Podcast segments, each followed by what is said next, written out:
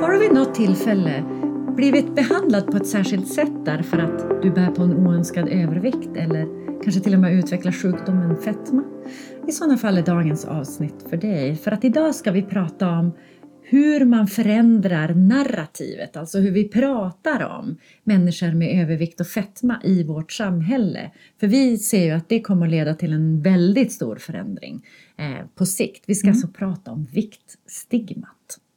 Hej, det är jag som är Camilla och det är jag som driver Viktdoktorn. Eh, Rebecka här är våran psykolog. Du är mm. även kostvetare och crossfit-instruktör. Yep. Eh, och du har varit på den senaste obesitaskonferensen. Ja. Och här pratar man väldigt mycket om det här.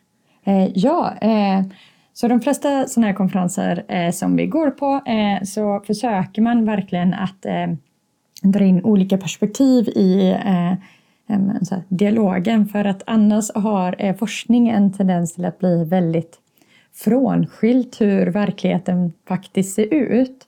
Eh, så då brukar de eh, bjuda in eh, människor som eh, då själva lider av eh, obesitas ehm, och att de får berätta sin historia.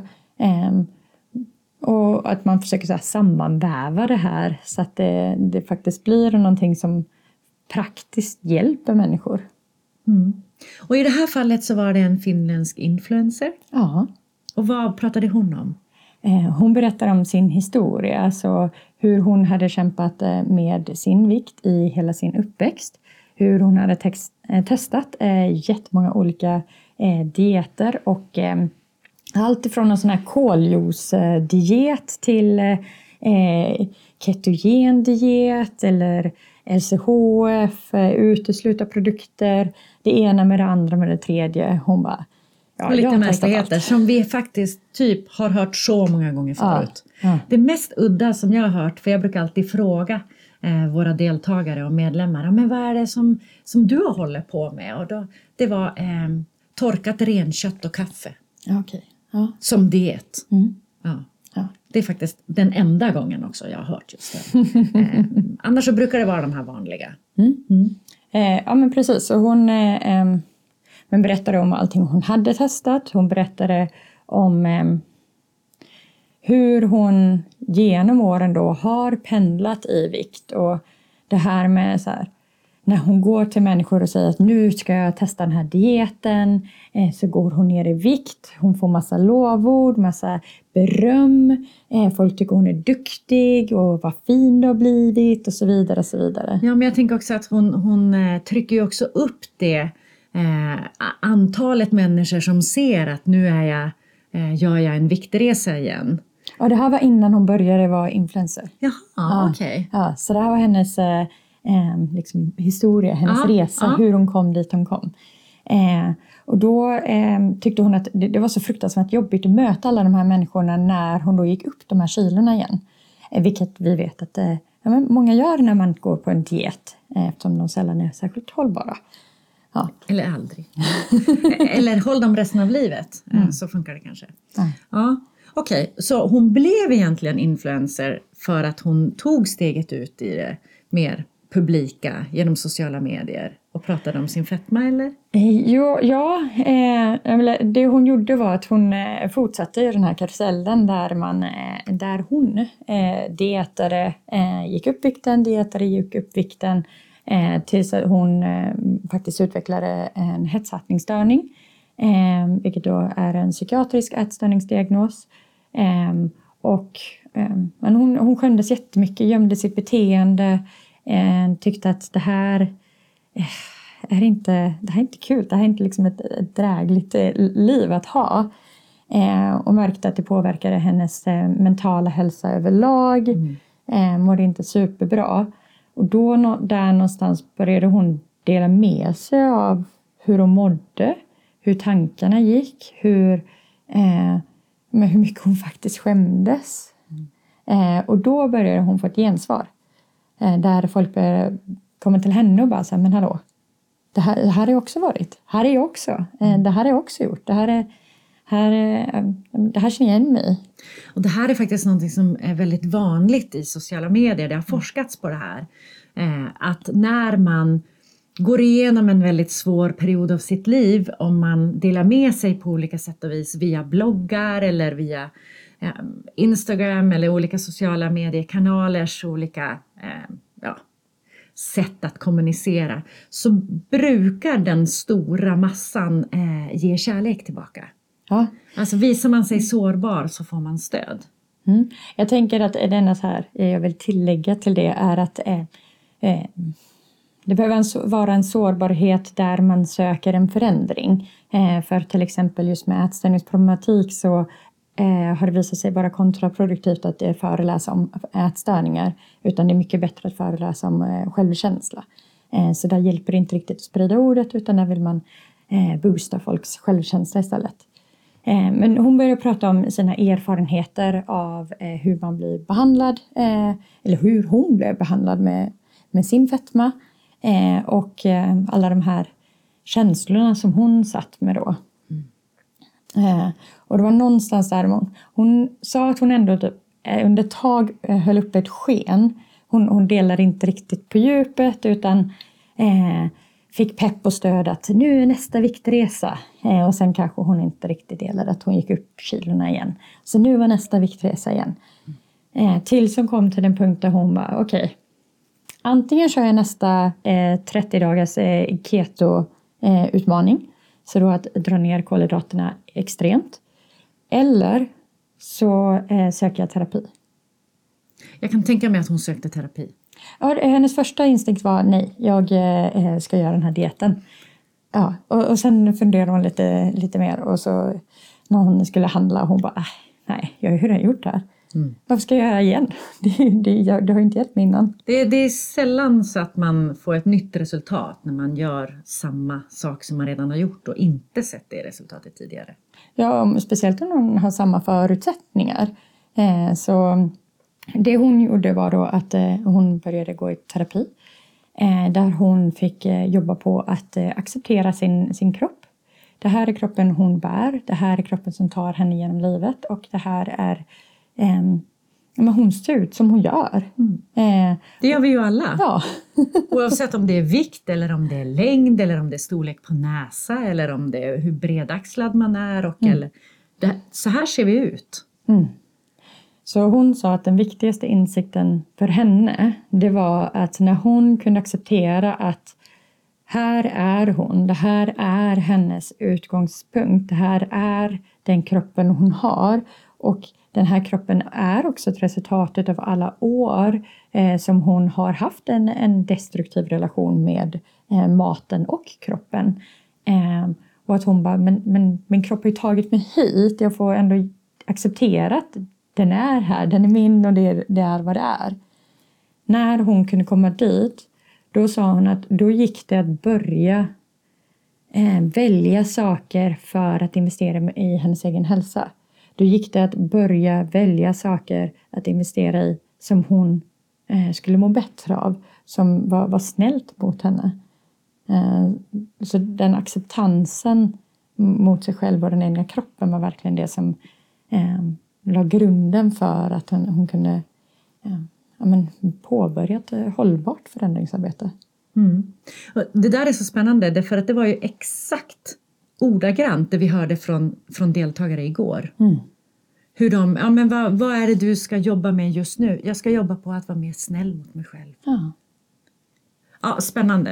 Eh, men, men det är ju verkligen, man behöver komma dit mm. för att man faktiskt ska nå den här hållbara hälsosamma effekten och kunna säga jag gör min sista viktresa nu. Mm. Så. Men då blir jag så nyfiken därför att de här påståendena då som eh, den här forskaren tog upp ja. och sa nej men vi behöver vidga synen på det. Vi behöver inte bara säga den här smala saken eh, ja, pun non intended, eh, utan jag tänkte verkligen mm. smalt tänkande. Eh, begränsat. Ja. Begränsat mm. eh, så och, och, ta ett större perspektiv på det mm. hela. Eh, men om man tänker då på, på hennes resa och hennes eh, eh, berättelse. Eh, när hon hade landat i en acceptans då kunde hon också dela med människor så här. Så här ser det egentligen ut. Eh, hon säger också så här, hon möter enormt mycket kärlek men hon möter också människor som har enormt mycket okunskap och som sitter bakom en skärm och säger elaka saker. Eh, och det säger hon, det är en del av att vara en offentlig person. Det får jag lite också acceptera, att är man offentlig eh, person oavsett vad man arbetar med eh, så kommer man få ris och ros. Men att det finns så mycket okunskap egentligen i alla led, alltifrån människor, gemene man, men också inom vården och ja. Ja, men hur många gånger har vi inte hört Eh, ja, men min läkare på vårdcentralen sa ät mindre, motionera mer så löser du det här. Ja. Alltså det, det, finns verkligen på alla nivåer i samhället och därför gör vi det här avsnittet. Men eh, om vi tar något av de här påståendena. Hur, hur, vad, vad är påståendet som han utgick ifrån och, och eh, hur tänker han kring att vi ska börja prata om det? Mm. Så eh, det första påståendet är att eh, fetma är orsakat eh, av att personer tränar för lite och äter för mycket ja, klassikern. Mm. Ja. Det här är ju alltså inte sant. Eh, och jag hoppas att du har följt oss ett längre tag så att du eh, är eh, bekant med varför. Om inte annat, det finns massa poddar bakom. eh, men eh, okej, okay, det, det, är klassikern mm. och den är falsk. Mm.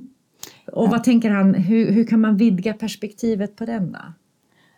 men han pratar om att prata om just obesitas eller fetma som det det är, vilket är en, en komplex sjukdom med en komplex sjukdomsbild. Eh, så det är en kronisk progressiv återkommande sjukdom eh, där allting utifrån, liksom, eller från eh, biologin, så dina gener, dina förutsättningar där, eh, din uppväxt, eh, psykologiska faktorer, sociala faktorer, miljön du lever i. Eh, allt det här spelar roll och allt det här eh, påverkar eh, individens eh, alltså sannolikhet att utveckla fetma. Eh, så att istället för att säga så här, det är det här, punkt. Att då ta ett blick, eh, vidga perspektivet och säga att det finns jättemånga olika aspekter som påverkar eh, och eh, ja, vi kan inte ta bort de andra utan så här, generna och biologin och allting spelar ju roll. Ja men de gör ju det. Mm. De gör ju det. Okej. Okay andra påståendet? Mm. Jag läser till här för att det, eh, det är ju inte jag som har kommit på de här, men jag vill läsa upp dem. Och det kan ju kännas lite dumt att läsa någonting som är faktiskt väldigt dömande. Ehm, den som kan eh, uppnå, eh, eller vem som helst kan uppnå en hälsosam vikt bara man har bra vanor. Okej. Okay. Um, ehm, Rebecka sa innan att du kommer att bli lite provocerad. Jag bara, okej, okay, jag vill inte höra de här påståendena i förväg. Eh, men jag blir ju provocerad. Ja. Därför att då låter det som att alla som är, är, är överviktiga, tjocka, feta, alltså alla olika beteckningar, är lata människor som mm. eh, kanske också är lite korkade, som inte förstår bättre. Ja. Nej, eh, men precis så, så de här påståendena är inte något som vi hittar på utan det är eh, saker som, som han lyfter som är vanliga saker som man hör. Eh, och, och det, det, är tråkigt att, att det finns Eh, och han menar också på att så här, för det första, även om eh, obesitas eller fetma eh, diagnostiseras utifrån en BMI-gräns, en BMI 30 och uppåt, eh, så är det inte säkert att alla med BMI 30 och uppåt har en extremt ohälsosam eh, levnadsstil. Eh, så här, siffrorna på vågen utgör inte så här, aha, du är här på skalan hälsa. Nej, och jag tänker också eh, bara för att... Eller så här, jag tar en annan vinkling. Det finns ju oftast... I, I, en bra lögn, i en bra myt, så finns det spår av sanning. Det är därför de eh, krokar fast så, så väl när man pratar om liksom, hur driver man eh, myter och mytbildning och, och propaganda och, och allt sånt där det är klart att livsval spelar roll. Mm. Eh, jag menar, det, det, vet ju alla, det, det, är bättre att äta mat som man lagar från grunden än att man köper ultraprocessad mat. För det, det påverkar vår kropp på olika sätt. Eh, alla vet att det är bra att träna eh, på olika sätt och vis, här vardagsmotionen, pulshöjande och styrka, eh, för alla människor. Och det är klart att det är extra viktigt när man har en, en oönskad övervikt därför att när man går ner i vikt så förlorar man mycket muskler om man inte tar hand om det under tiden. Ja, alltså det finns massor med sådana här bitar. Så det är klart att livsval styr hur utgången blir. Mm. Men det kanske är så att de här valen egentligen inte är val utan det är överlevnadsinstinkter som kroppen tvingar dig att agera på. Mm. Och det är då det börjar bli intressant. Ja, nej men, eh, så egentligen hans poäng var bara så här. Man kan inte säga att någon är hälsosam eller ohälsosam utifrån vad det står på vågen. Eh, jag tänker även att eh, men till exempel så är ju rökning inte någonting som är eh, någonting som vården eh, förespråkar. Eh, och, och det är eh, många individer eh, med ett lägre BMI som eh, röker. Eh, så jag tänker, så här, BMI är inte eh, ett, det betyder inte att man är hälsosam eller ohälsosam bara för att man har ett visst BMI. Nej. Mm. Bra, då har vi etablerat den. Eh, tredje påståendet. Ja, att fetma kan förhindras med hjälp av samhällsinterventioner. Och när man pratar samhällsinterventioner då menar man så här, le, eh, lagar, regler, Ja, eh, undervisning i Sverige. Ja, I Norge har man introducerat en sockerskatt till exempel. Ehm, ja, allting som man kan göra om man tänker uppifrån och ner, alltså från politisk nivå. Kan vi strukturera om samhället? Kan vi eh, bygga cykelbanor? Det gör man i Stockholm. Eh, om jag tänker till exempel USA är ju väldigt så här, samhället är uppbyggt på att du behöver köra en bil för att kunna ta dig till ställen. Ja. Annars kan du inte ta dig till affären för att köpa mat. Eh, så, eller då kan du, du kan ta bussen om den nu går för det, lokaltrafiken är inte lika eh, etablerad där. Nej. Precis. Eh, så att eh, om vi bara kan så här, anordna om samhället lite så löser vi det. Ja. Eh, och, och nej, det gör vi ju inte. Nej. Det är ju ett stöd Ja. på vägen, Ja. precis som alla de andra bitarna. Det finns ett uns av sanning i det, men det är klart att, ja, nej. Nej, det, det, är liksom, det är ett ben. Det är, Ja. det är en del utav hur vi kan hjälpa till. Men jag tänker för det första ignorera det alla som redan utvecklat fetma. Eh, Eller inte ignorerar, men om man tänker om, prata... Inte räknar in. Nej, precis. Om man pratar så här preventiv, eh, eh, preventiva metoder eh, så ja, eh, tänker man inte på de som redan utvecklat det. Men också då eh, att om det var så enkelt då hade man kanske redan gjort det. Ja, men jag tycker ändå att man har gjort det på många olika sätt och vis. Om, och vi ser att vi, vi får inte den effekten. Jag menar, fetma eskalerar ju. Eskalerar över generationer, eskalerar över världen. Det är verkligen progressiv sjukdom. Så. Ja. Ehm, ja, nej, vi, ska inte gå in på en massa siffror, det gör vi i en annan podd. Men, men det, det är eh, katastrofutveckling faktiskt. Ja, okej. Ja. Är vi inne på påstående nummer fyra? Ja, eh, och då har jag sparat en till som eh, är lite provocerande. Eh, och det är att om vi bara motiverar folk bättre så kommer de gå ner i vikt. Ja, därför att människor som blir motiverade eh, kan övervinna allt och försätta berg. Och kan vi slänga in några fler klichéer här? Det kanske inte handlar om motivation om man har provat alla möjliga dieter som någonsin har funnits, hittat på några egna och svultit eh, bara genom att svälta rakt av eller många timmar per dygn. Eller, då handlar det inte om motivation. Jag skulle säga eh, om du är en sån som har genomgått flera olika typer av eh, dieter så har du oerhört hög motivation att göra någonting åt din livssituation.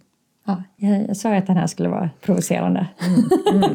Och då ska, jag- mm, ah, mm, mm, Okej, Ja, så vi bara nej. ja den här är, den är ju löjlig. Den är ju Ja. skitlöjlig faktiskt. Ja, jag känner jag blir lite Ja. Nej, men det, är- det, det är väldigt ignorant att, att Ja. säga det. Då, då vet man ju inte vad det handlar om. Nej, men då har man ju inte heller lyssnat på människor. Nej. Nej, okej. Sista påståendet. Eh, att operera eller att ta läkemedel är att fuska. Det är Ja, att ta den lätta vägen. Åh, den här är bra, den här är bra, för den hör vi hela tiden. Mm. Eller vi, vi hör den sådär i andra hand. Eh, därför att människor, antingen när jag pratar om vad jag jobbar med och varför jag gör det och vad som driver mig i det här, då får jag väldigt många som, ja men okej, eh, men det är ju faktiskt lite fusk. Och, eh, om man tittar på medias narrativ nu, ja du ser det är provocerande, jag är verkligen igång. eh, men om man tittar på eh, vissa eh, mediala narrativ eh, som pågår i Sverige just nu, för det är verkligen i Sverige just nu, ja, Ja, vi kommer ja. tillbaka till det, eh, så handlar det om att, och nu tappar jag det bara för att jag Det gick igång. jag gick igång. Men det är fusk. Jo, ska det vara så lätt att gå ner i vikt? Eh, Ska vi bara behandla alla som har oönskade kilon med lite läkemedel och så blir hela världen bra för det? Ja, den blir ju betydligt bättre om man får hjälp med sin sjukdom, Mm. tänker jag. Ja. Och det är inte fusk på något sätt och det här har vi pratat om många gånger. Ja. Men jag menar, har du ont i huvudet så tar du Ibuprofen eller eh, paracetamol i stor utsträckning och så släpper det och så blir inte kroppen så stressad av din smärta utan kan fortgå med dagen. Eller det finns en massa husmodersknep också såklart, men vi tar ju läkemedel för en massa olika saker eh, som vi faktiskt skulle kunna kanske inte ta läkemedel för. Eller Men när det är tänker- riktiga sjukdomar, varför ska man, ska man sluta behandla cancer för att, Mm. ja, nej men det, nej, nej men det, det nej men den är bara Nej. märklig. Ja. Ja. Eh, nej men eh, så det, det är väldigt eh, synd för att, eh, eh, att, att det har nu, nu tänker jag så här. Eh, det är relativt nytt, både operationer, det, hur man opererar har också utvecklats de senaste åren. Eh, så, så det här är eh, eh nytt i, i vår tid. Eh, men jag tänker om man tänker så här 100-200 år så, så är det här en, en liten del utav utvecklingen, hur vi kan behandla eh, obesitas eller fetma. Ehm, och, och läkemedelsbehandling för obesitas fetma, där, där snackar, snackar vi ju eh, väldigt få år som det har funnits. Eh, så det är väldigt nytt och människor är oftast eh, lite osäkra, lite rädda för saker som, som är eh, eh, nytt eller nya. Eh, och där det men tar ett tag för bilden oftast att, att ändras eh, eller uppfattningen om en viss sak att ändras. Eh, men obesitas är en extremt komplex sjukdom. Det är kom- Många följdsjukdomar. Ja, och det är en komplex sjukdomsbild där inte alla, eh, alla hamnar inte där på grund av samma orsak. Så det är inte så att vi har en lösning som passar alla. Och där behöver vi ju eh, kunna ha flera olika behandlingsinterventioner för att kunna behandla olika människors behov. Ja men alltså, eh, ba- bara det här med läkemedelsbiten. Mm. Det finns flera olika typer av substanser som ger stöd för en viktnedgång. Så att även om, man kan inte säga så här, det finns ett läkemedel och det vill alla ha och det är brist på det just nu. Och det finns fler, alltså inte läkemedel utan substanser Mm. som på olika sätt hjälper beroende på varför man har utmaningen från början. Att man äter mer än vad man borde eller behöver eller så. Eh, och därigenom renderar en, en oönskad övervikt. Men det finns ju också andra behandlingar Mm. som du har varit inne på. De har ju pratat jättemycket om, om psykologiska eh, sidan av övervikt och fetma. Ja.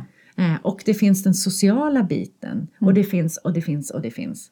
Så att eh, det här är komplext. Eh, så. Ja, de är, forskar ju på olika delar av det också. De pratar väldigt mycket om så här, det vi gör i ett labb. Eh, kroppen är fantastiskt duktig på att kompensera för eh, brister eller eh, andra mekanismer. Så det de gör i ett labb går inte alltid att replikera i en, en människokropp för att kroppen är för smart för överlevnad. Eh, så det, det- de behöver jobba väldigt mycket med sin forskning och vilka olika eh, substanser kan eh, påverka för att kunna ge fler alternativ för människor eh, eller behandlande eh, personal då. All right, det var en sak vi skulle komma tillbaka till. Ja, vad var det? Det, det var att narrativet drivs i Sverige, det här med Ja, när sjukdomar exakt. ställs mot varandra Ja. vid vår restsituation. Ja. Ja. Ska vi ta den eller ska vi lämna den till nästa avsnitt? Eller? Ja, men det kan säga avsnitt? bara att eh, när jag var i, i Finland då eh, så blev eh, många människor väldigt förvånade när jag berättade om att eh, i media så har det varit ett narrativ av att människor med obesitas eh, stjäl läkemedel från eh, Typ 2 ja, diabetes? eh, precis, och att de bara så här, ursäkta va? Jag bara, ja. Och de bara, va? Och jag bara, ja, det, det är narrativet som media driver till stor del. Eh, de var jätteförvånade och eh, förvirrade eftersom eh, jag tänker också när man är på en konferens där alla är intresserade av att eh, nu ska vi hitta det nästa bästa eh, sättet att hjälpa till eh, för hela den här gruppen av människor som behöver hjälp och som får undermålig hjälp idag eh, då är det en självklarhet för alla människor som är där att eh, man ska ha rätt till eh, den hjälpen man kan få. Ja, mm. och med tanke på att vi i Sverige ändå inte har lika stort överviktsproblem som till och med länderna runt omkring oss, men i, i världen så ser det ändå rätt bra ut för oss. Och då är alltså 51 procent av svenska befolkningen överviktiga eller har utvecklat eh, fetma. Mm. 51, det betyder varannan person och lite mm. mer. Ja. ja. Ja, men vi, vi lämnar på den noten för jag känner att nu har vi pratat skitlänge. Eh, jag hoppas att du har fått med dig nya så insikter och nya argument kanske till och med eh, för att våga låta din röst höras nästa gång du hör någon av de här påståendena som forskarna hade samlat in. Eh, bara för att hjälpa till att driva samtalet mot en mer förståelse, en större acceptans för att vi hela tiden lär oss mer om olika tillstånd i världen och att nu vet vi att fetma är en sjukdom, den går att behandla och det är eh, någonting som kommer att utvecklas vidare framöver. Mm. Ja. Stort tack till dig som har tittat eller lyssnat. Stort tack till dig. Det kommer alltså att bli fler eh, poddavsnitt från eh, Helsingforskonferensen. Jag tycker du så att sånt är intressant så eh, det är bara kom tillbaka snart. Kanske till och med redan nästa vecka för då är vi på plats igen i alla fall. Samma tid, samma plats om du vill. Ta hand om dig tills dess. Hej då! Hej då!